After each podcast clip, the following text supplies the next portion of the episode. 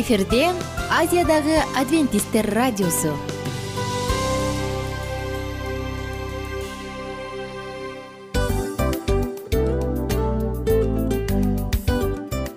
Салам достор. Ден соолук өмүр булагы. Жана биздин биринчи байлыгыбыз демекчи саламат саамы рубрикасына кош келдиңиздер. Бир да кишинин ооругусу келбегени айтпаса да түшүнүктүү анткени ооруганда жаныбыз кыйналганы аз келгенсип көп көйгөйлөр жаралышы да ыктымал. Андан тышкары жумушка же мектепке бара албай же үй бүлөбүзгө кам көрө албай калабыз. Ал эле эмес башка бирөөнүн бизге кам көрүшүнө муктаж болуп калышыбыз ыктымал. Ошон үчүн дарыланууга караганда алдын алуу жакшы эмеспи. Биздин рубрикада биз ар кандай фактылар менен маалыматтар менен кеңештер менен бөлүшүп чын жүрөктөн сиздердин ден соолугуңуздарды каалайбыз. Ошон үчүн биздин рубрикага кош келдиңиздер. Жана даярданып туруңуздар анткени кийинки мүнөттөрдө кызыктуу фактыларга ээ болосуздар. Ошон үчүн достор эң биринчи байлыгыбызды колубузга алдык да алдыга жөнөдүк.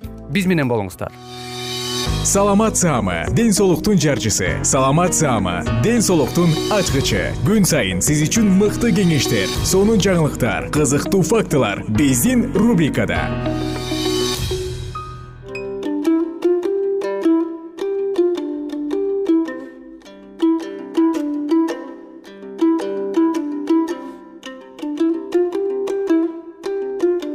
саламатсыңарбы кымбаттуу сүйүктүү угармандарыбыз. Кайрадан эле сиздер менен биз э, ден соолуктун ачкычтары программасында кездешип жатканыбызга өтө кубанычтабыз.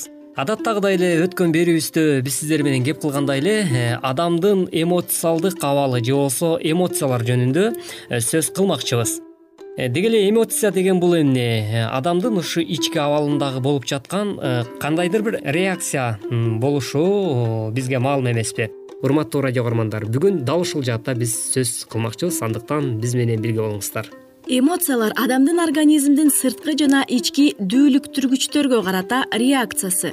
Дүүлүктүргүчтүн таасири менен адам башынан өткөргөн өзгөчө абал эмоция. Мисалы оң эмоция. Кубануу канааттануу суктануу жана терс эмоциялар. Кээүү кайгыруу ачуулануу ыза болушу мүмкүн. Ал кыска мөөнөткө же узакка созулат айрым эмоция көңүлдү көтөрөт адамды сергитип күч кубат берет. Башкасы тескерисинче алсыратат туталантат. Эмоцияны кантип көзөмөлдөйм? Мисалы сен улан эмоцияңды кантип көзөмөлдөйсүң? Же кантип ал эмоция сенин колуңда болуш керекпи? Же биз эмоцияларыбызга берилип эмоционалдуу адам болушубуз керекпи? Бул суроонун өзү өтө олуттуу суроо ошол учурда адам өзүн өзү биринчиден э, мисалы кандай жаатта сен өзүңө өзүң мындай кармана билесиң? Башкача айтканда өзүңдү өзүң кантип көзөмөлдөйсүң өзүңдү өзүң кармай билүү бул э, чынында эле э, ар бирибизге эле тиешелүү болгону менен бирок айрым учурда көпчүлүк адамдар өзүн өзүн э, кармай албай калат эмеспи? каны суюк деп коет эмеспи? Бат ачууланып кетет. Өзүн өзү кармана албай калат кыйкырат өкүрөт болгон ичиндеги кандай сезим болсо монтип алып туруп сага төгүп салат. Ошол туурабы же туура эмеспи? Кандай деп ойлойсуң? Э, албетте негизи психологиялык жактан деги эле мындай адам катары алып келгенде албетте бул өзү туура эмес оройлук деген мамилеге э, жаткылат эмеспи. Мисалы ошол эле учурда сага дагы бир адам өзүнүн оройлук мамилесин дароо сага ошондой бир адам өзүнүн орой мамилесин сага мындай жана бетке чаап деби же кандай бир ушундай жолдор менен сага мамиле кыла турган болсо бирок ошого кайра сен жанагы тишке тиш деген сыяктуу ошондой э, жооп кайтарыштын өзү албетте бул туура эмес деп ойлойм. Анда эмне кылыш керек анда кандай кылыш керек? Менимче бул абалдан чыгуу үчүн адам биринчиден э, биринчиден беш мүнөт же он мүнөткө чейин э, бир аз мүмкүн тыныгуу алып э, ошол эле учурда балким бир имараттын ичинде болуп аткан ошол окуя болуп аткан учур болсо мүмкүн өзүңдү өзүң токтото билүүдө сыртка чыгып абадан терең терең дем алып балким муздак сууга бетиңди жууп же болбосо ошол эле учурда суу ичип э, анан э, ойлонуп мен эми кантип акылмандуулук менен ошол адамга кандай мамиледе өзүнүн ошол мага карата кылып аткан мамилесине кандай мен жооп кайтара алам деп ойлонуп анан баягы кыргыз элинде айтылгандай бир жакадан баш бир жеңден кол чыгарган сыяктуу ошондой иш аракет кылган бул бизге кандайдыр бир деңгээлде кыйла жеңилдик алып келет болуш керек деген ойдомун психологдор дагы мындай кеңеш берет экен да. Аябай ачууланып атканда э, сен дароо эмоцияңды чыгарбай мисалы оңго чейи санаа ичиңен. Ошондо дароо сенин сезимдериң калыбына келет экен. Сен туура чечим э, кылганга дагы ошол он секунд аябай чоң жардам берет экен.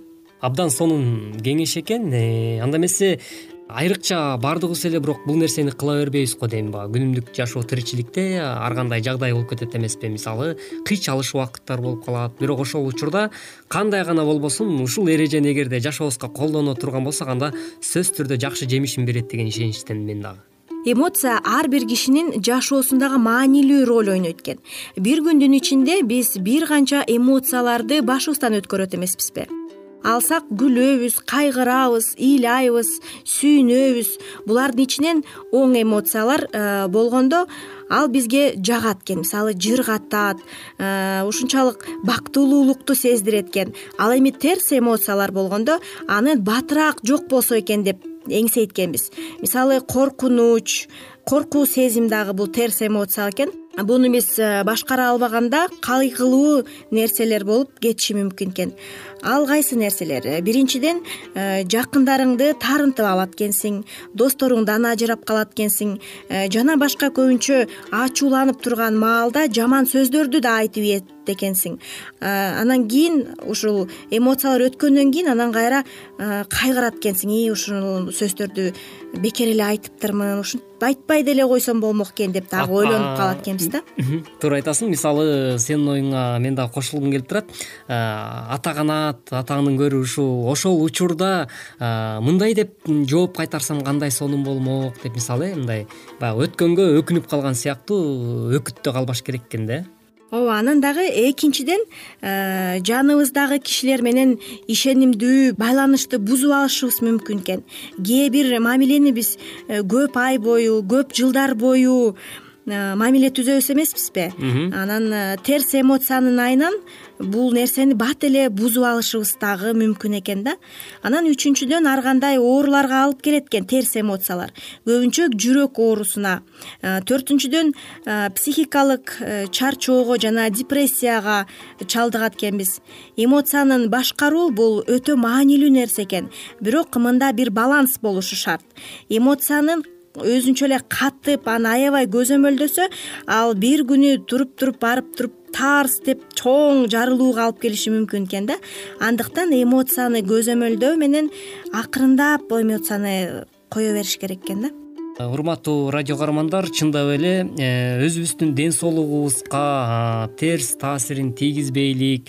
Э, кандайдыр бир ушул эмоционалдык абалдан э, курчуп кетүү натыйжасында кандайдыр бир ооруларга чалдыгып калбайлык деген турган болсок анда сөзсүз түрдө илгертеден биздин ата тегибиз айтып келген сабырдын түбү сары алтын деген сөз бар эмеспи анысыкарында ошол сабырдуу болсок анда көптөгөн мындай ийгиликтерге же болбосо э, жакшы өзүбүздүн ден соолугубузга эле кам көрүүнүн алдын алганга бир э, жардам бере алат экенбиз. Келиңиздер э, кандай гана кырдаал болбосун кандай гана учур болбосун ар дайым эмоционалдык абалыбызды жөнгө сала билүүгө жана эле ошол учурда сабырдуу болууга баардыгыбыз үйрөнсөк деген тилекти билдиргим келди кийинки берүүдөн кезиккенче э, бар болуңуздар аман болуңуздар э, эч убакта оорубаңыздар деген тилек менен бүгүнкү программабыздын каалыгасын жапмакчыбыз. Сак саламатта калыңыздар.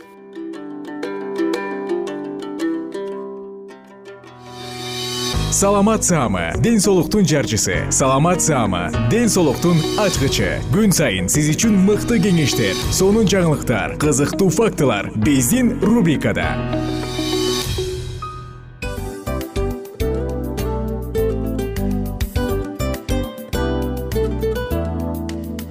салам достор. Ачуу душман акыл дос. Акылыңа акыл кош демекчи биздин дил маек рубрикасына кош келиңиздер. Дил маек программасында ар кандай темаларды козгойбуз. Балдарды өстүрүү аларды тарбиялоо кантип балдарды бактылуу кыла алабыз. Жана кыз жигит ортосундагы мамилелер кыз жигит ортосуна кантип нукура таза сүйүүгө жетсе болот. Бактылуу үй бүлө куруунун кеңештери ар кандай сырлары жеке өсүү жана ар кандай кызыктуу чыгармачыл программаларга арналган рубрикабызга кош келиңиздер. Эмне үчүн дил маек? Анткени дил маек эки адамдын баарлашуусу сырдашуусу. Сизди да биз менен сырдашууга чакырабыз. Анда эмесе кийинки он мүнөттүк убакытта сиздер менен чын жүрөктөн сырдашып баарлашабыз. Даяр болсоңуздар анда кеттик ар түрдүү ардактуу кесип ээлеринен. Алтын сөздөр жүрөк ачышкан сыр чачышкан сонун маек. Дил маек рубрикасында.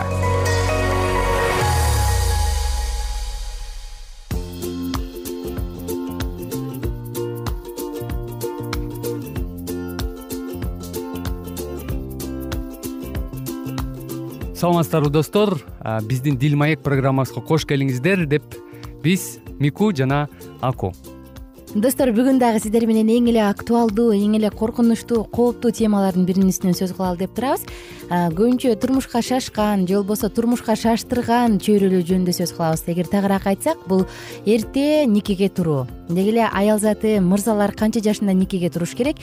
Жана эрте никеге туруунун терс жана оң жактары? Чындыгында биздин кыргызстанда ар кандай облустарда айылдарда абдан көп боло турган нерсе бул эрте бойлуу эрте жашта турмушка чыгуу. Биздин жаш кыздарыбыз он беш жаштын тегерегинде он беш жашка чейин уже турмушка чыккандар бар.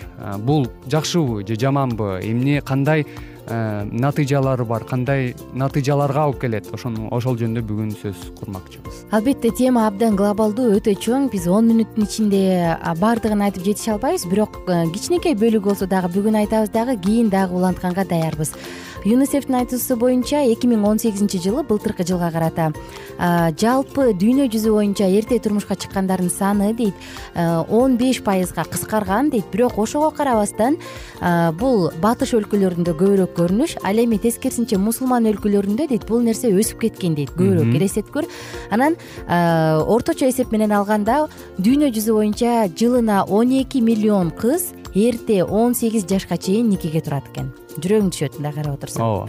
Ошол эле юнисефтин жана нацдаткомдун маалыматтарына таянсак кыргызстанда биздин мамлекетте он беш жашка чейин кыздар турмушка чыккан кыздардын саны алты миңге жетиптир андан тышкары он сегиз жашка чейин турмушка чыккандар жүз алтымыш миң кыздар экен. Элестеткүр бул негизи бул мындай никелерге өтө оңой жол анткени жөн эле уурдап анан нике кыйып коюшат болду. Башка э, эч кандай процедуралар эч кандай процесстер кереги жок. Мындай үй бүлөлөр өтө оңой эле салынат курулат. Мындан тышкары уурдалган кыздардын ата энелери албетте кайра алып кеткенге же э, кызын кайтарып алганга мүмкүнчүлүк жок. Анткени тилекке каршы коомдун баягы ар кандай сөздөр айтыла турган сөздөргөн э, сөздөрдөн коркушабы же ушундай давлениеден иши кылып э, арылыш үчүн унчукпай ушундай адатты тилекке каршы колдоп келинет анда эмесе достор деги эле канча жашта турмушка чыгыш керек? Кыргыз элинде өзгөчө жыйырма бешке чыгып калса карадал болуп баратасың. Ии эми сени эч ким албайт ай турмушка чыкпайсыңбы ай же бир үй бүлө куруп анан ажырашып кеткен мырзага чыгасың деп коркутушат. Мырзалар отуз жашка чыгып баратса үйлөнбөйсүңбү сендейлердин балдары окуп калды деп намыска тийип келишет э? Ооба. Негизи эле канча жашта турмушка чыгыш керек дегенге мен бир психолог адамдын мырзанын оюна абдан кошулгум келет. Ал айтат идеалдуу мырза жыйырма жети жашында аял заты жыйырма беш жашында дейт. Ошол учурда алар бала чактагы курактан өтүшөт дагы ата эне болууга даяр болуп калат. Анан башка адам үчүн жоопкерчилик алганга даяр дейт. А эгерде жок он сегизге чейин эле турмушка чыгыш керек дей турган болсок анда кандай терс жактары бар анын? Бир четинен мындай карасаңыздар э, биздин ата энелер он сегиз он жети жаштарында эле э, турмушка чыгып мисалы менин чоң апам э, алардын мууну башка убакытта жашагандыктан албетте башка реалдуулукта жашагандыктан ал жерде ушундай болуп келген. Бирок бүгүнкү күндө он сегиз жашка чейин турмушка чыгуу бул туура эмес. Анткени статистикага таянсак билим албаган э, профессияга ээ болбогон э, жаш кыздар эгерде турмушка чыгып алган болсо анда алар келечекте жакшы акча төлөнө турган жумуштарга иштей албай ооба. көбүнчө убакта баягы абдан аз төлөнгөн кара жумушта иштешет. Мисалы үчүн мектепти бүтпөй жана жогорку окуу жайдан билим албаган кыздар турмушка чыкканда алардын арасынан үч эсе көп э, билимдүү кыздарга караганда аялдарга караганда э турмушка чыккан кыздарга караганда э, үч эсе аз акча айлык алып жана кара жумушка көп иштешет экен. Ооба тилекке каршы ошондой болуп калат анан бул биринчи жагы экинчи жагынан адам үй бүлө куруш үчүн психологиялык жактан жетилиши керек анан физикалык жактан жетилиши керек. Ооба. Бул дагы эң эле маанилүү нерсе. Анткени аялдын ден соолугу үчүн бул өтө эле маанилүү нерсе. Мисалы төрөө же болбосо бала багуу башка бир үй бүлөнүн жүгүн көтөрүп жүрүү мунун баардыгы тең чоң. Ошондуктан психологиялык физикалык жактан жетилгенби ал адам. Ошону да эске алыш керек анан ии өзүң бала болуп туруп балалуу болуп турсуң эми кантип багасың деп? Улуу адамдар айтып калат го жаш турмушка чыгып алгандарды ооба. Карап отуруп чын эле өкүнүчтүү болуп кетет да жүрөгүң ооруп кетет.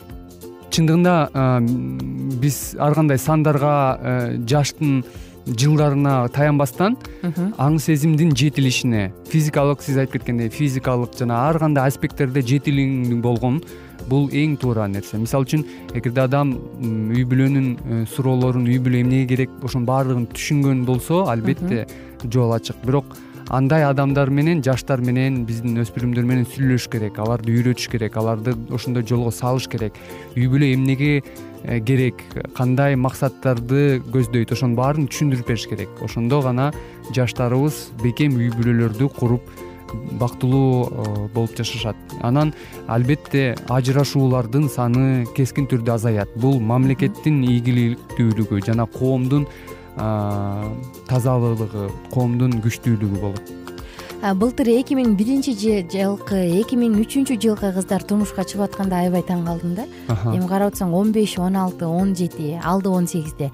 Каяка шашат депчи анан как э, дал ушул учурда биз дагы атайын бир программа кылып эмне үчүн эрте турмушка чыгып жатышат? Деги эле анын кандай кажети бар? дегенде карап отуруп адал аял затынын физикалык жактан алгандагы эле даярдыгы таптакыр нольго терең тең экен. Бул учурдачы анан эгерде ал айым дагы төрөсө анда анын өзүнүн гинекологиялык жактан чоң жоготууларга учурайт. Ал кийин эрте эле оорулуу болуп калышы мүмкүн. Ал эрте эле ар кандай кыйынчылыктарга дуушар болушу мүмкүн. Анан оорулуу аял менен мырза жашагысы келбейт дагы башка бир жолду издеп баштайт экен. Элестетип көр өкүнүчтүүсү. Канчалык сүйөм канчалык сүйөм күйөм дебесин бирок эгерде жашың жете элек болсо жок мен жыйырма беш жашымда чыгам же жыйырма үч жашымда чыгам. Ага чейин сүйсөң күт деп эле койгон оң экен да эң туура. Эми аку менде мындай суроо пайда болуп атат эрте жашта турмушка чыгууну кантип токтотсо болот? Кантип мындай көрүнүштү өзгөртсө болот? Биздин ушул мамлекетибизде анан мисалы азыркы күндө мамлекет өзү тарабынан мыйзамдаштырды э? Жок он сегиз жашка чейин чыкпаш керек деп. Баардык аракетин көрүп жатат бирок коомдун ою өзгөрмөйүнчө. Ошол балдардын ата энесинин ою өзгөрмөйүнчө бул нерсени өзгөртүү кыйын го деп турам. Анткени апасы деле ай мен он жети жашымда чыгып он сегиз жашымда сени төрөгөм мына жашап эле жүрөм жакшынакай дей турган болсо анда бала деле ошого а деп ынанат да. Анан үй бүлөлүк жашоону бир өзгөчө бир индиянын киносундай элестетип алат. Менимче бунун ар бир өзгөрүү үй бүлө башталган оңго дейм ата энеси жок кызым турмушка чыкпай эле кой тур азыр. Сенин жашооңдо келечегиңде моундай моундай көнүп турат. Эгер өзүңн билимиң жок болуп туруп үй бүлөлүк тажрыйбаң жок болуп туруп баланы төрөсөң аны кантип тарбиялайсың ага кандай тарбия бересиң? Сен эмнени ага үйрөтө аласың өзүң бала бойдонсуң андан көрө сен келечекте мондай күчтүү аял болушуң керек. Мондай мондай эле ийгиликтерге жетишесиң деп багыттай турган болсо анда баланын да психологиясы өзгөрөт деп ойлойм. Анан албетте ата эне биринчи кезекте жок кызым. Сен моунча жашка чейин турмушка чыкпашың керек биз каршыбыз. Андан көрө сен оку деп мындай кичинекейинен эле мээсине программа киргизе баштаса бул сөзсүз түрдө өзүнүн жемишин берет го деп ойлойм. Мен да бул ойду колдойм. Анткени мамлекет канча иш аракет кылбасын кандай маалыматты калкка жеткирбесин албетте ар бир э, ата энелердин улуулардын колунда жаш өспүрүмдөрдүн жаштардын э, бактылуулугун күчтүү үй бүлөлөрдү курууда жана ушундай туура эмес кадамдарды э, кадамдардан качканга биздин биз жардам бере алабыз.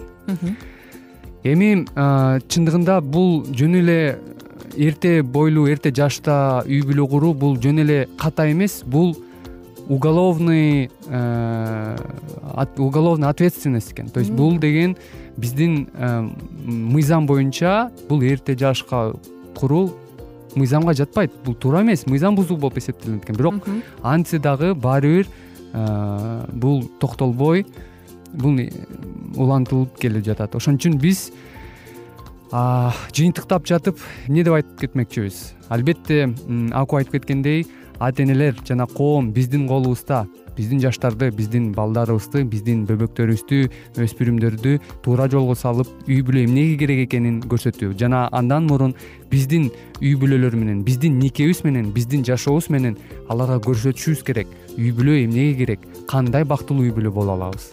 Буюрса алдыңкы программаларда дагы эрте никеге туруунун себептерин карап кеткенге мүмкүнчүлүк болот деп ойлойм. Ал эми азырынча сиздер менен коштошобуз. Кызматта аку жана мику. Достор баарыңыздарга көңүлдүү күн ар түрдүү ардактуу кесип ээлеринен. Алтын сөздөр жүрөк ачышкан сыр чачышкан сонун маек. Дил маек рубрикасында.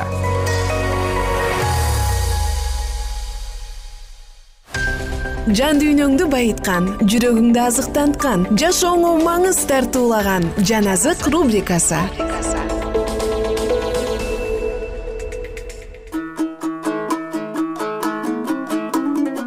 кутман күн жалпы биздин замандаштарыбызга сиздер менен улуу күрөш китебин улантабыз.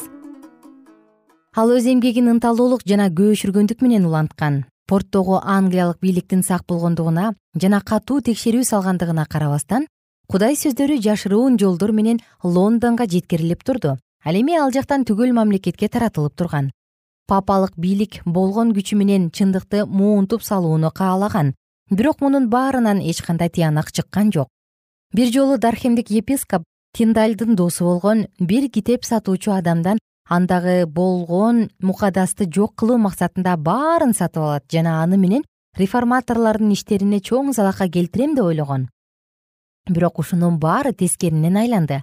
Андан алынган акча каражатын басылууга каражат табылбай турган баштагыдан дагы сапаттуу китептерди бастырыш үчүн керектүү нерселерге жумшалган акыры тиндаль камакка алынат жана ага басмаканага каражатты ким каржылаганын айта турган болсоң биз сени абактан чыгарабыз деп убада кылышкан.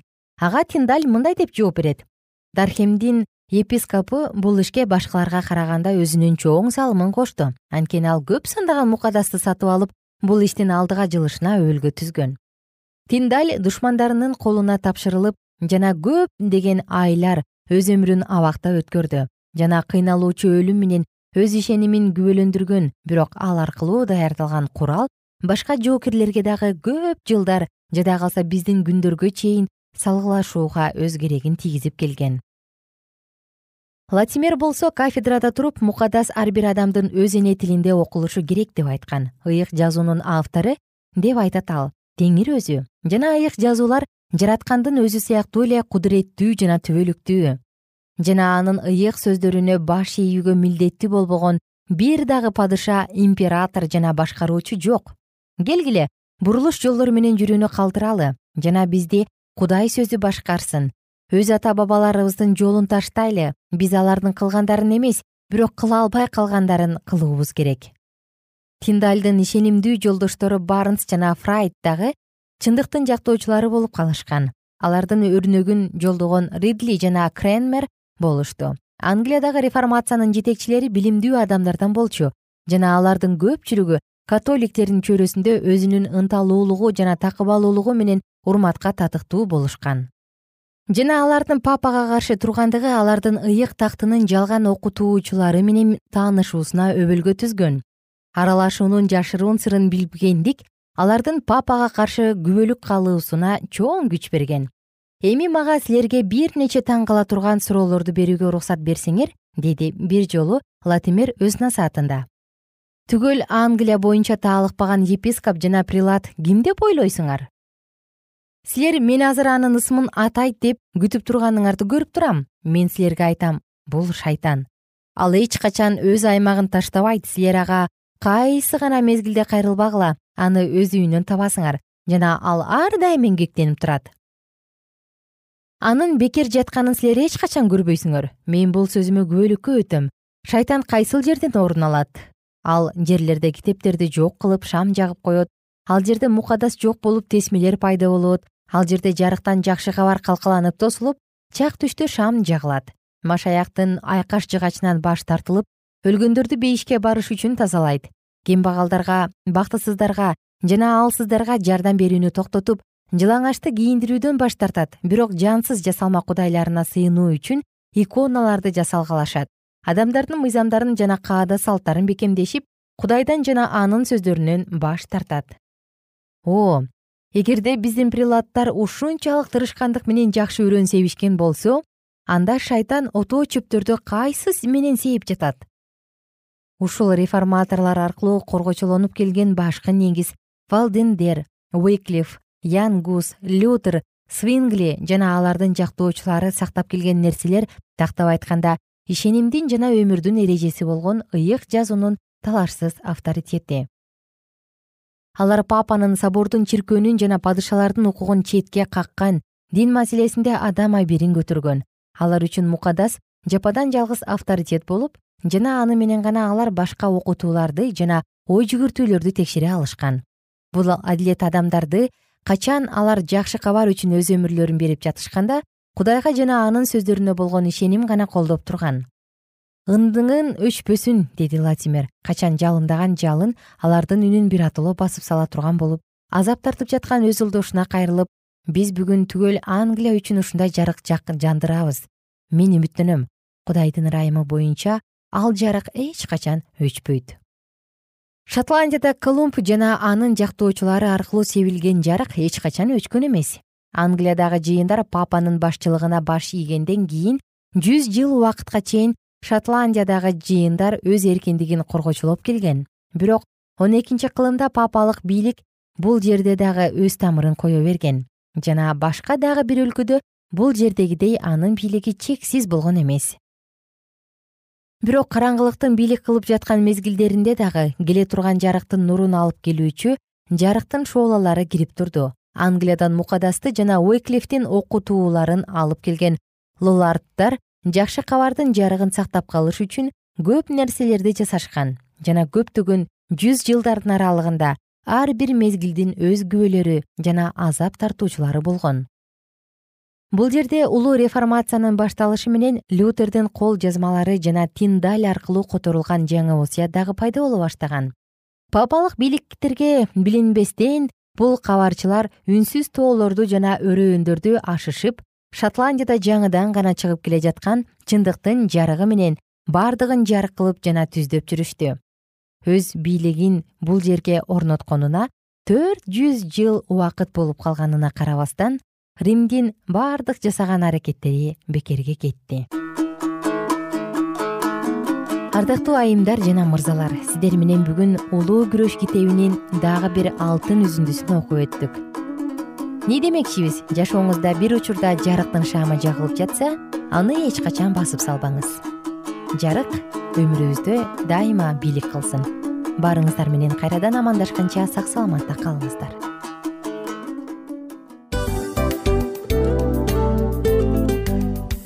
мына ушинтип убакыт дагы тез өтүп кетет экен. Биз дагы радио уктуруубуздун аягына келип жеттик келип кубандырдыңар эми кетип кубандыргыла деп тамашалап калышат эмеспи? Анысы кандай? Радио баракчабызды программабызды азыр эле баштап аткандай болдук элек мына соңуна келдик э? Негизи убакыт э, билинбей өтүп кетет экен? Мен дагы э, убакыт дегенде бүгүн бир адам менен сүйлөшүп калдым. Анан убакыт бул мүмкүнчүлүк деп айтып өзүмө өзүм айтып алып анан мага өзүмө эле кайра ачылыш болду да чын эле э Э, карап отурсаң ошол эле жыйырма төрт саат ошол эле жарым саат кайталанып атат бирок сендеги мүмкүнчүлүк жок ошол кой берилип кетти? Анысы кандай? Бүгүнкү сонун убактыңызды алтындай болгон жарым саатыңызды бизге бөлүп арнаганыңыз үчүн ыраазычылык айтабыз. Анан жашооңуздун кайсы бир сферасын өзгөртө турган сонун пайдалуу кеңеш алган болсоңуз анда биз максатыбызга жеттик. Анан ушул нерсени кылбасам десеңиз ошол өзгөрүүлөрдү кичинекей кадамдардан баштап иш жүзүнө ашырыңыз дагы жашооңузда чоң чоң ийгиликтерге жетиңиздер чын жүрөктөн ар бир берилген кеңештер сөздөр сиздерге пайдасын алып келет деп ишенебиз. Жана кийинки уктурууларда сөзсүз түрдө чыдамсыздык менен сиздерди күтөбүз.